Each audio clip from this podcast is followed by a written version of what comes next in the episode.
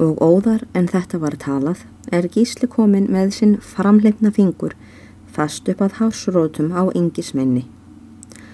Og snáði burt skrimsli þitt og sveið hér aftan. Var björgun og að orðum við hinn nærgöngula byðilsinn. Þú ert ekki hafandi þar sem stúlkur eru og ef þú hagar þér ekki sóma samlega þá skal ég leggja í þig með hrífunni minni svo þig muni um og reytti nú Björg um leið hrífuna að gísla.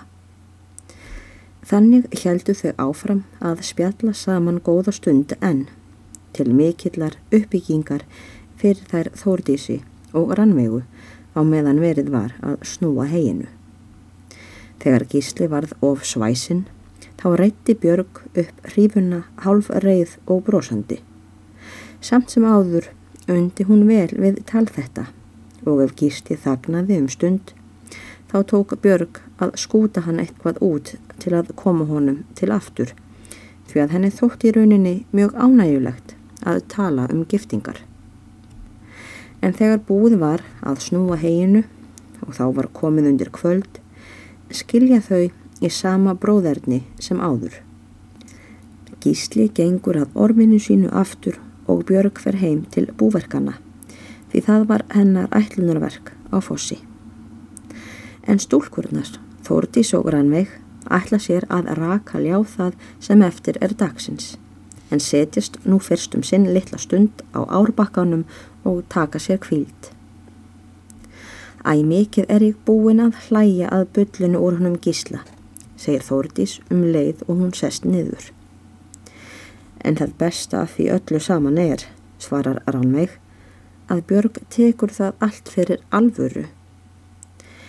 Ekki held ég það sé nú nefna annað veifið sem hún tekur það fyrir alvöru. Hann er svo liður að slá úr og í en hún heimskingi og stundum trúir hún í rauninni því sem hann segir henni. En óskop er hún alltaf glöð og ánægð þegar gísli er að spjalla við hanna. Hún er ekki eins glöð þegar húsmóðurinn er að tala við hanna. Nei, minna en það, svara Þórdís. Síst síðan Jórun tók í lurgin á henni sumar. Hún er nú alltaf smeg við Jórunni síðan. Já, það var ljóta remman Þórdís. Samt held ég Jórun hafi haft rétt fyrir sér í það skipti þó að hinn þrætti. Heldur þú það? Já, það held ég fyllilega. Það hefur enginn hér á bæ farið að lepja það ofan eftir annar en Björg. Það var heldur hastarlegt að sagan skildi vera komin orðrétt að neðstabæ áður en vika var leðin. Það hlýtur einhver hérðan að hafa borið hana, því að þá var hér engin maður af bæ. Já, og hver heldur þú hafi gert það annar en Björg? Það var engin ferðamilli bæjana um það leiti nema það sem Björg fór ofan eftir um sunnudaginn næstan eftir. Meira að segja Rannveig, ég hef haft það upp úr Björgu sjálfri. Svo, já, já, já, ég hef nú komist að því að það er hægt að veiða allt upp úr henni sem hún veit. Það er annars ljótt þegar svona er borið slaður bæja að melli. Allir Sigurbjörg hafa ekki reyðist.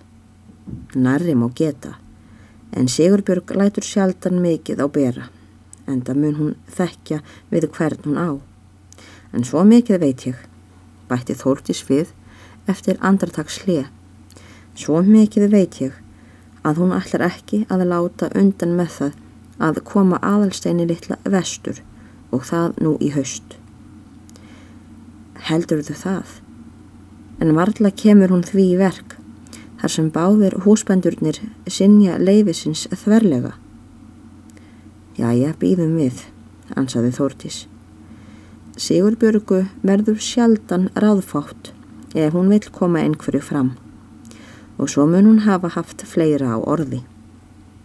Nú, þú lætur ekkert á bera, en svo mikið mun hún hafa sagt að ef ekki digði annað þá, þá þá myndi hún láta prestin ganga í það. En þú stingur þessu hjá þér. Heldur þau í alvöru að tala, Þórdís, að hún láti prestin ganga í það? Nei, ég ímynda mér helst að það komi reyndar aldrei til þess. En ef með þyrti, þá er annað mál hvað Sigurbjörg kynni að gera, heldur en að láta sinn hlut. Herði Þórdís, hvað allir Sigurbjörg hafi verið að vilja fram að hálsi í gær? Hún hafði staðið þar við bísna lengi. Nú, hverðin vestu það?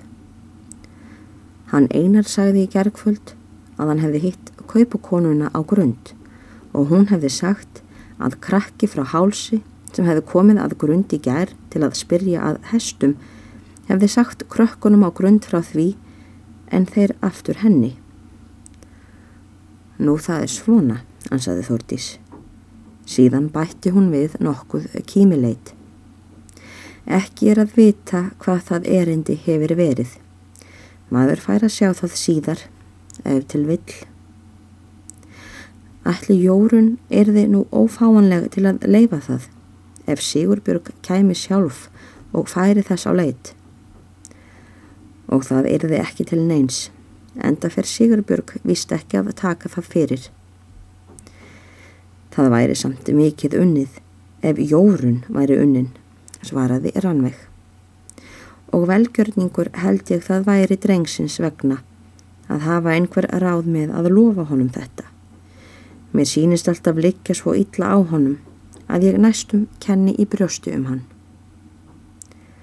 Honum leiðist líklega dreng ánganum, sagði Þórtís og stóð hún nú upp um leið og þær báðar. Þær gengu nú til ljáarinnar og rökuðu til kvölds.